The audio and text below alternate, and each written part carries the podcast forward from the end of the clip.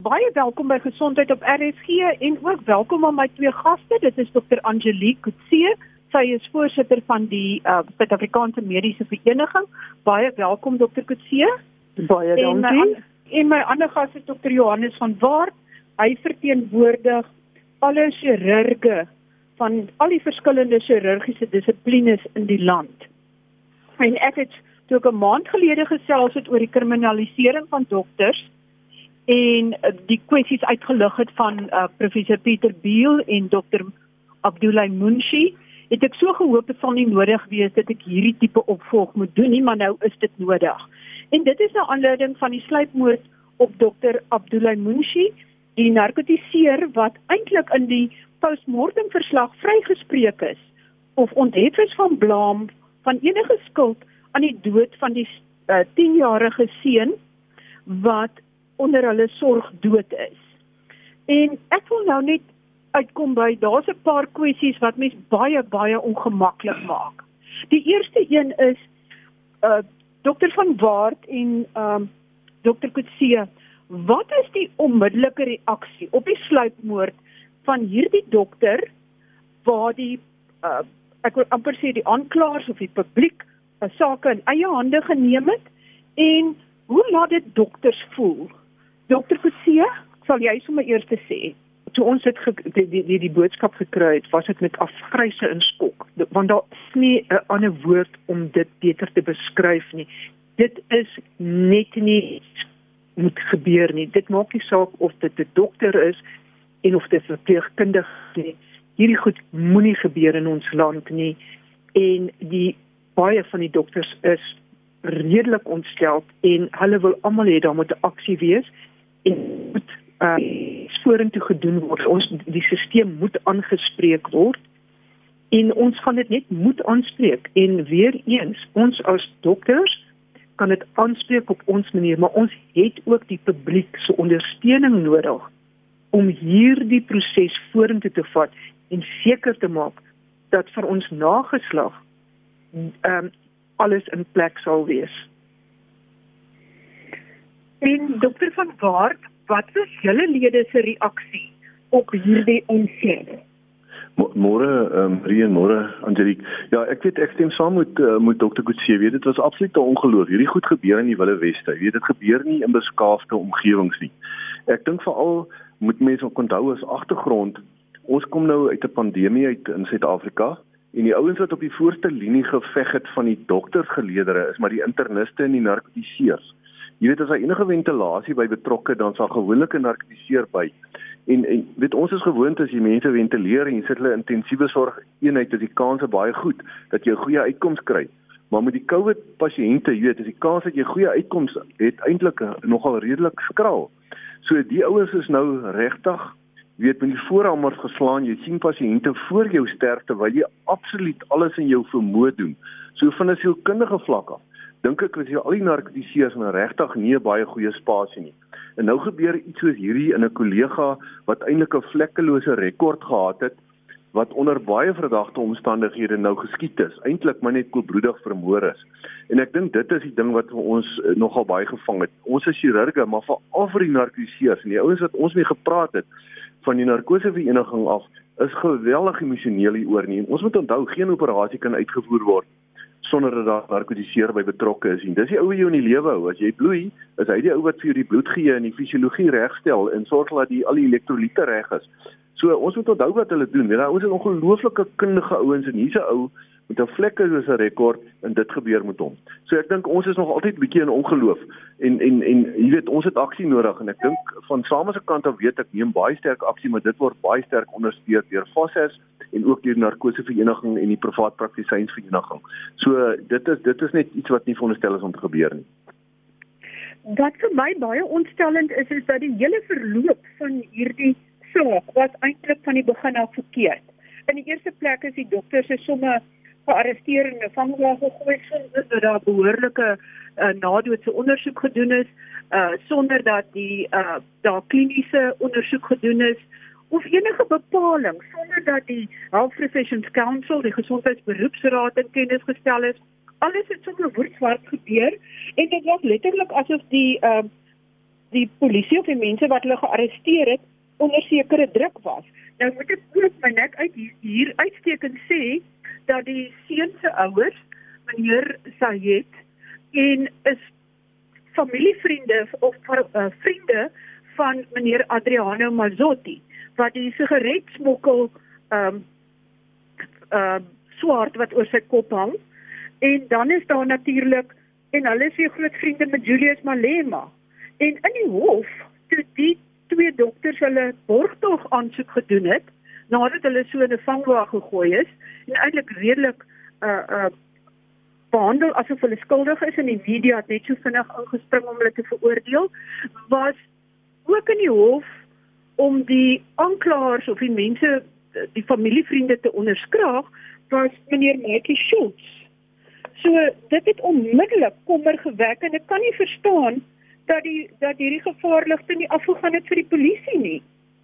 En en nou volg hierdie wilde weste opdragte en wilde weste tipe gedrag. Uh, as ek 'n dokter is, sal ek twee keer begin dink of ek enigsins in hierdie land wil werk. Is dit die reaksie wat jy ook kry? Ja, wie ek kan miskien net hierso inkom. Ek dink uh, Marie, wat 'n mens moet besef, kyk volgens die wet. Die wet is die wet so geskryf op die oomblik dat mens kan 'n dokter in hegtenis neem op is as as iemand wat by regte is om 'n klagstaat of 'n arrestasiebevel uit te skryf te doen. Maar jy weet, ons het drie scenario's gewoonlik en en en ons het al so 'n bietjie verwys daarna. Die eerste een is jy iemand koelbloedig doodskiet, jy weet, dan kan jy gearresteer word en met regte so. Die tweede scenario is dat iemand breek by jou huis in en hulle rig 'n vuurwapen op jou terwyl jy in jou huis is en jy haal jou vuurwapen uit en jy skiet die persoon dood wat jou lewe bedreig met die regte lasbrief kan hulle dan die persoon wat geskiet het ook in hegtenis neem vir strafbare manslag of dood. En die wet sê ook so as jy nou 'n dokter is en 'n pasiënt sterf dan kan hulle jou eintlik ook in hegtenis neem as iemand 'n lasbrief uit uitreik. Maar die prosesse en die scenario's verskil tog dramaties van mekaar. So ergens in die wet moet daar voorsiening gemaak word vir die verskillende omstandighede. Hulle gaan nie almal natuurlik tronk toe gaan nie, maar jy kan vir 'n nag in die tronk slaap soos wat met Pieter Biele en Abdullah Munshi gebeur het. En ek dink net ons wet het definitief aandag nodig en ek dink dit is iets waarvoor ons baie hard veg en ek weet Angelique staan ook aan die voorpunt daarvan om te sorg dat ons by die ministers uitkom om te sorg dat reg geskied. So ek dink net eh, jy weet die scenario wat hier uitgespeel het is net iets wat wat vir my net ondenkbaar is. Goed, net voordat ons gaan na wat die moontlike oplossings is. Uh wil ek net hê julle moet iets uitlig en dit is dat as 'n dokter 'n operasie doen op 'n kind of 'n volwassene, dan probeer hulle so goed as moontlik vasstel dat daar nie 'n uh, komplik of keer dat daar nie komplikasies intree nie. Maar dokters is nie altyd bewus van al die onderliggende dinge nie en veral nie by 'n kind wat sogenaamd gesond lyk nie. En in die postmortem verslag het dit aan die lig gekom dat die kind wel onderliggende hart- en longprobleme gehad het en daar is selfs vraagtekens oor vaping. Nou, hoe gebeur dit? Of laat ek so stel, is die publiek bewus genoeg daarvan dat een of twee klein goedjies wat verkeerd gaan tydens 'n prosedure en as mens onbewus is van sekere onderliggende ongediagnoseerde probleme dat die dokter nie altyd die uitkoms kan waarborg nie. Of ek dink die of Marie, ek kan miskien ek kan miskien hier inkom want ek staan nou in kliniese praktyk en dan kan Angelique uh, uh, asseblief ook haar opinie gee. Gewoonlik as daar iets verkeerd loop in 'n prosedure, is dit een van drie goed. Of daar is stelselfoute So in ander woorde, jy het sekere apparaat nodig of sekere middels wat jy onverwags moet nodig kry en hulle is miskien nie daar nie of die verpleegsteunpersoneel uh, is miskien nie heeltemal by soos wat ou ideaal sou wou gehad het nie. So daar's sekere stelselfaktore. Die tweede ding is daar kan natuurlik ook onderliggende pasiëntfaktore wees. Soos wat jy nou uitgelig het, daar sekere metabooliese goedjies wat mens nie altyd voortoets nie omdat uit die vrae van die pasiënt is dit nie altyd duidelik dat daar so onderliggende probleme is nie. En en dan moet 'n mens natuurlik nou spesiale ondersoeke aanvra. En dan kry jy pasiënte wat miskien nou nie 'n baie gesonde lewenstyl het nie, wat natuurlik nou 'n hoër risiko plaas op enige prosedure wat gedoen word. En dan die kleinste rede is daar kan natuurlik nalatigheid ook wees. Maar dis regtig in die minderheid van gevalle so en die hele stelsel is daarop geskoei dat 'n mens moet kyk of daar nalatigheid was. Maar daar kan baie goed skeefloop en dan was daar absoluut geen nalatigheid nie want dis 'n dinamiese uh, gebied waar dinge kan verkeerd loop en dis hoekom narkotisering so belangrik is. En ek dink die impak hierop gaan net wees dat ons gaan begin baie meer defensief praktiseer. So ou gaan nou 'n klomp goed voor die tyd moet uitskakel en jy gaan miskien onnodiglik na 'n operasie gaan jy vir iemand bloedverdunningsmiddels moet gee want jy's so bang hulle kry 'n stolsel in die long of in die been, maar dit het natuurlike risiko's ook want ewe skielik kan 'n mens dan nou 'n bloeding op die brein brein kry. En en uh, jy weet dis eintlik 'n dis eintlik 'n baie baie ongewenste situasie want dit gaan nie mediese fondse meer geld kos. Ek dink mediese fondse gaan minder bereikbaar wees vir mense wat nou dalk net net daarby kan bykom, maar selfs in die publieke sektor gaan dit gaan dit belastingbetalers geld opslurp. En en dit beteken net mense gaan nie die diens kan lewer wat jy ideaal gesproke vir die hele bevolking kan lewe nie want dis gesondheid is is 'n nasionale bate. So ek wil graag ook Angelique se opinie wil hoor, maar ek dink in kort om privaat praktyk uit is dit die uitdagings wat ons op die oomblik in die gesig staar. Dr. Kutsie? Ja. Kan ek gou inkom? Yes. Ehm um, ek ja, sien heeltemal saam met wat Johannes gesê het. En maar ek dink daar's twee goed wat die luisteraars hier buite moet baie baie mooi verstaan. Die eerste ding is jy daar's 'n dokter en die dokter as jy wil gaan vir 'n operasie of vir enige ingryp of ingreep, dan moet die dokter vir jou verduidelik. Ek kan vir jou operasie X doen. Dit is moontlik die gevolge wat daar kan wees. Dit is die nadele hulle dis is wat jy te wagte kan wees as alles um, volgens plan gaan en dit is wat ons gewoonlik sien is kan gebeur. So ek as 'n dokter het 'n verantwoordelikheid om dit aan jou te sê as ek jou veral gaan opereer en ek ek ek moet die die die beste ding vir my as 'n dokter is so, is dat jy 'n vorm teken waarin jy sê ek het gehoor wat die, die dokter vir my verduidelik. So dis die een been. Die ander been wat die publiek nie altyd verstaan nie, Dit as ons jou geskiedenis vra, met ander woorde ons vra vir jou, sê vir my, het jy die volgende onderliggende probleme? En ek sien dit baie keer dat hulle net die helfte van daai inligting gee. En en dan verwag hulle op daai inligting die helfte. Hulle het nou vergeet vir argumente onthaalwe dat toe hulle vorige operasie gehad het, het hulle verskriklik gebloei. Vergeet om hierdie goed te sê. Vergeet om vir jou die die die die belangrike goedjies te noem En en dan en en en, en wat hulle dan nie verstaan is as daar dan 'n probleem kom omdat van die inligting reg was is dit eintlik die verantwoordelik of moet eintlik die verantwoordelikheid op hulle val en nie die dokter dan nie. En dan het ons nog 'n derde been wat Johannes korrek gesê het dat daar 'n stelsel is. So die, die dokter staan in die teater en hy opereer en skielik gaan daar iets verkeerd en hulle het tema bloed nodig, maar die hospitaal het nie voorsiening vir sekere goed gemaak nie en dit kan nie onmiddellik gebeur nie. Of weer eens soos wat hy ook gesê het, die personeel is nie altyd korrek opgelei nie of die nasorg in die of die postoperatiewe nasorg is daar probleme mee. En ongelukkig in al hierdie goed word die dokter verantwoordelik gehou. Alhoewel hy nie altyd ehm um, 'n uh, uh, uh, insette lewer in wat in die hospitaalstelsel verkeerd kan gaan nie. Ek ek hoop dit maak sens of sin vir die mense daar buite kan. So pasiënte 'n verantwoordelikheid, dokter 'n verantwoordelikheid, maar die hospitaal het ook 'n verantwoordelikheid om te sorg dat alles reg verloop. Goed, ek gaan nou 'n paar stellings maak en uh, as julle dit net kan beamoen, kan ons vinnig beweeg na wat is 'n moontlike oplossing. En dit is in die eerste plek is Dit is duidelik dat verskeie regsfirmas nou dat die padongelukke fondse geld uitgeput raak, dat hulle baie gro groot konsentreer op mediese nalatigheid en ook dan pasiënte aanmoedig om eise in te stel. Die tweede punt is dat daar is baie baie uitbetalings wat selfs deur uh, die staatshospitale gedoen moet word omdat die behoorlike pasiëntsorg nie verskaf is nie. Nou dis nie altyd die dokter se skuld nie. Dan is daar 'n tekort aan dokters alle spesialisgroepe in die private sektor, in die staatssektor, gefriesde poste, poste wat nie gevul word nie, opleiding wat nie gedoen kan word nie en natuurlik ook ook 'n geweldige tekort aan geregistreerde verpleegkundiges. Is ek as ek reg as ek hierdie goed noem. Um, ek kan miskien afskop hierso ehm um, Marie. Ek dink jy weet wat die opleiding in die postaal betref, dink ek die opleiding wat op die oomblik verskaf word in die mediese skole is baie goed. Ek het 'n klomp kollegas wat akademisies en jy weet dit is regtig top ouens weet en ek dink die opleiding wat op die oomblik verskaf word is nog baie goed veral in spesialisopleiding. Nou ou gaan nie 'n spesialis eksamen deurkom as jy nie kundig is, jy weet daarvoor is die stelsel daar om om wat ons praat die college van geneeskunde waar jy deur geëksamineer word deur verskillende lede van verskillende fakulteite in die land. Die voorgraadse opleiding dink ek word baie keer nou uh, gefokus op uh, op se tipies Suid-Afrikaanse probleme en ek dink daaroor kan nou nou lekker debat voer, maar ek dink die klas van dokters wat uitkom is nog regtig is nog goed.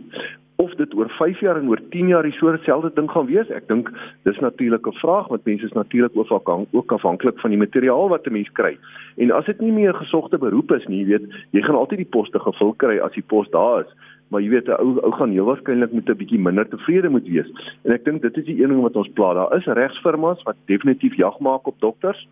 Ek dink en en daar is daar is foute daar word gemaak. Ons van dokter se kant af moet net altyd verseker dat ons daai foute tot die minimum beperk. En ek dink dit is die groot ding. Ek dink daar's 'n hele klomp inisiatiewe nou in Suid-Afrika veral in die privaat praktyk.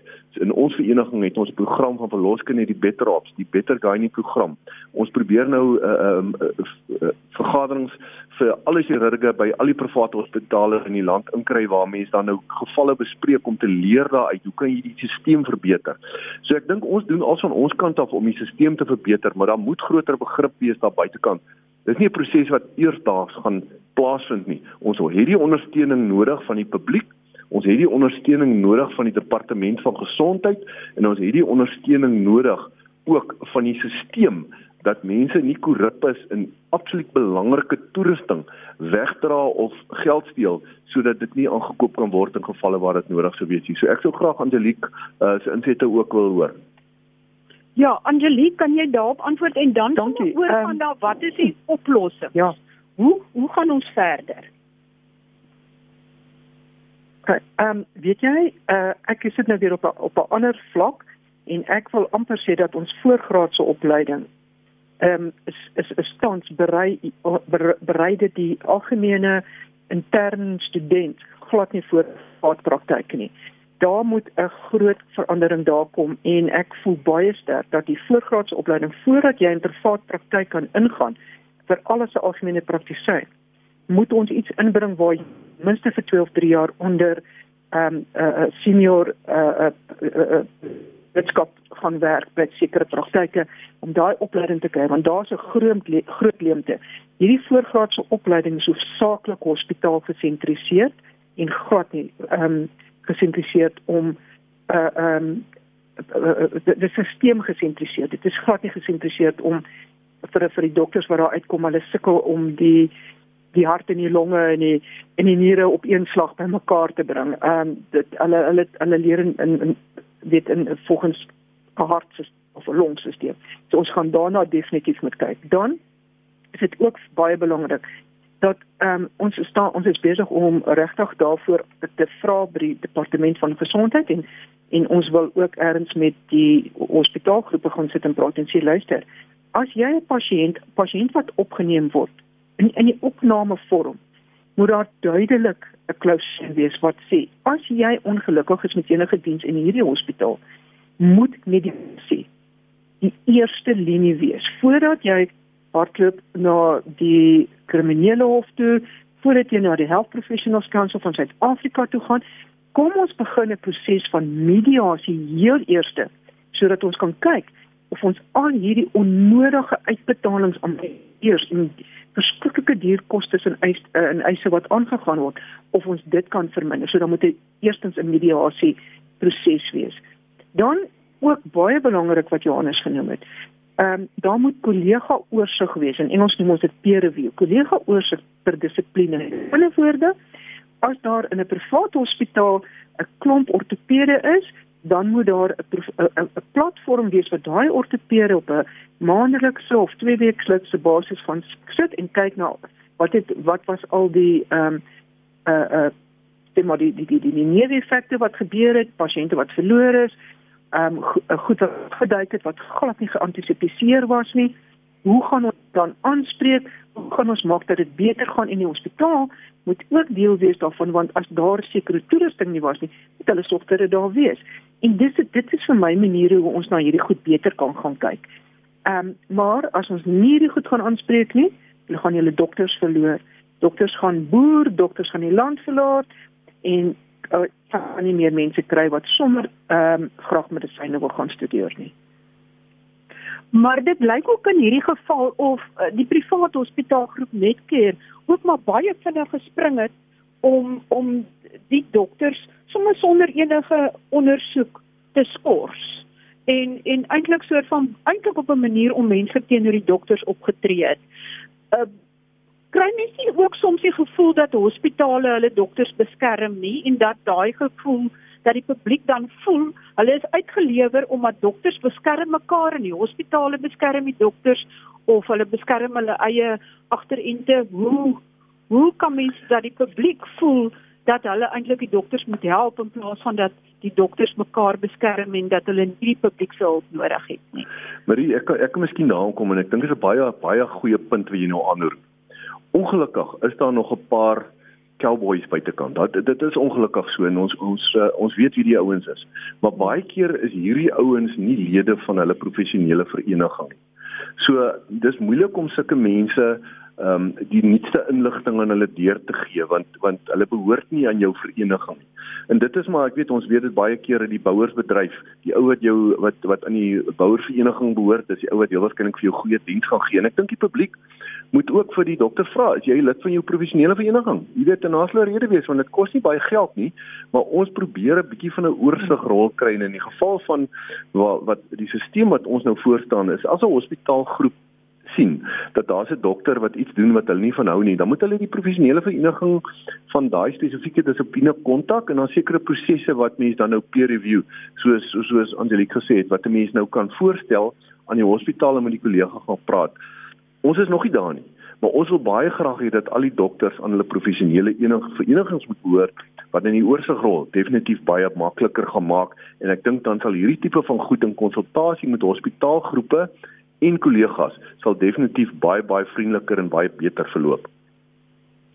In die ehm uh, gesondheidsberoepsraad ehm uh, ek bedoel volgens wat ek sien en hoor en ander klagtes van dokters is dit besig om heel wangs wanfunksioneel te raak. Wat gaan daaraan? Doen hulle wat hulle moet doen uh, of is hulle ook besig om diktators te raak? Ek dink Angelique is waarskynlik beter daar as ek nou met drie sulke gevalle.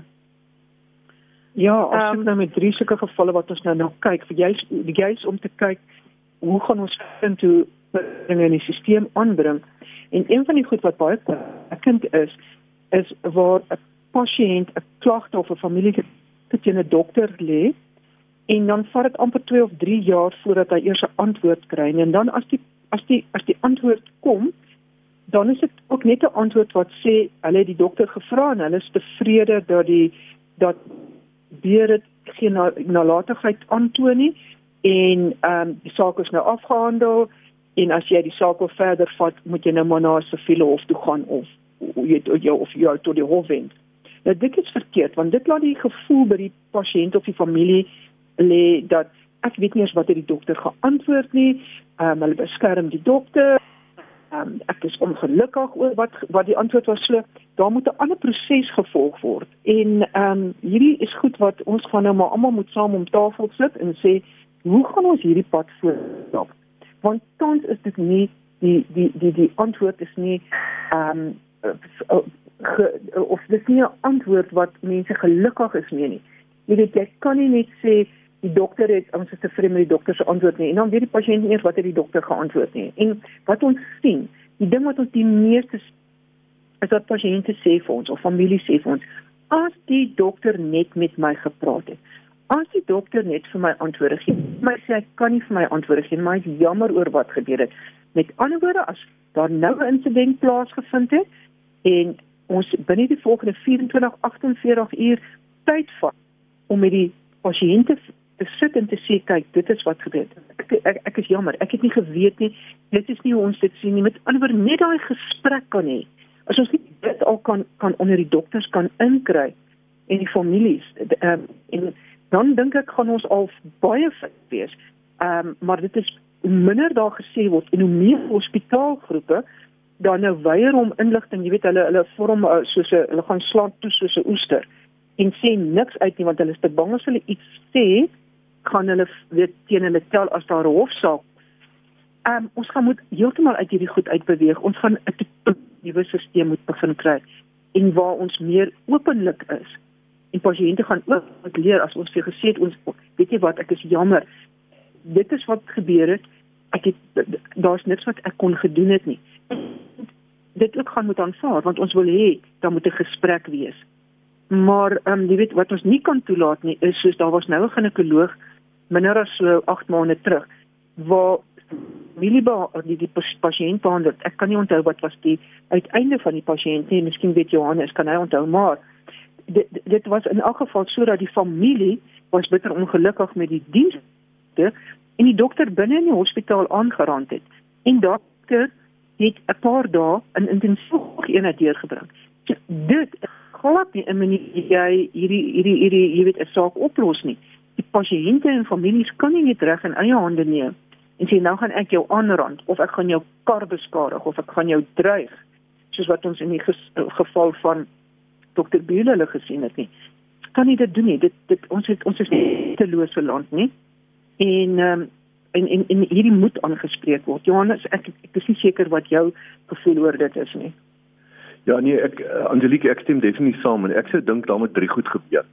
En ek dink die eerste ding soos jy reg gesê het, ek dink mediasie is definitief die eerste stap dat mense met mekaar praat, sake word baie vinniger opgelos. Daar's baie minder geld betrokke wat uitbetaal word aan partye wat nie voordeel trek nie. As daar geld moet aan 'n pasiënt uitbetaal word, dan moet dit aan die pasiënt uitbetaal word, nie aan die prokureurs nie. So mediasie is definitief 'n baie belangrike ding. Die tweede ding is ek dink ons moet met mekaar kommunikeer. En soos jy reg gesê het, jy weet baie keer wil die mense net inligting hê. En jy weet, jou pasiënte raak eintlik jou vriende. So jy moet met hulle kan kommunikeer, hulle moet met jou kan kommunikeer. Jy gaan nie baie meer bewus wees van die risiko's nie, maar mense gaan ook meer vertroue hê in hoe jy hulle hanteer en ook verstaan dat goedjies uh, kan verkeerd loop. 'n Deel van hierdie sluit dan nou uh, die toestemmingsvorms in.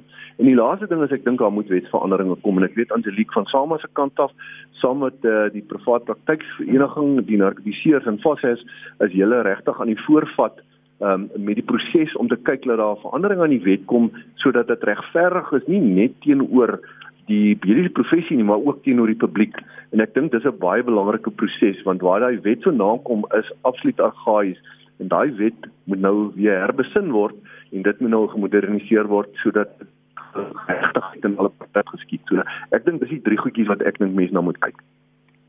Baie baie dankie uh, aan beide my gaste, Dr. Johannes van Waart en van die uh, chirurgiese vereniging uh, verskillende chirurgiese verenigings wat hy verteenwoordig en Dr Angelique Kutse, sy is voorsitter van die Suid-Afrikaanse Mediese Vereniging. Dankie vir julle insette en kom ons dink mediasie en kommunikasie voordat mense na die howe toe hardloop en dat hierdie probleme gou en vinnig opgelos kan word. En volgende week gesels ek weer gesondheidsake, skakel gerus in en stuur 'n e-pos aan my uh, gesond by rsg.co.za. Tot volgende week dan groete van my Marie Hudson.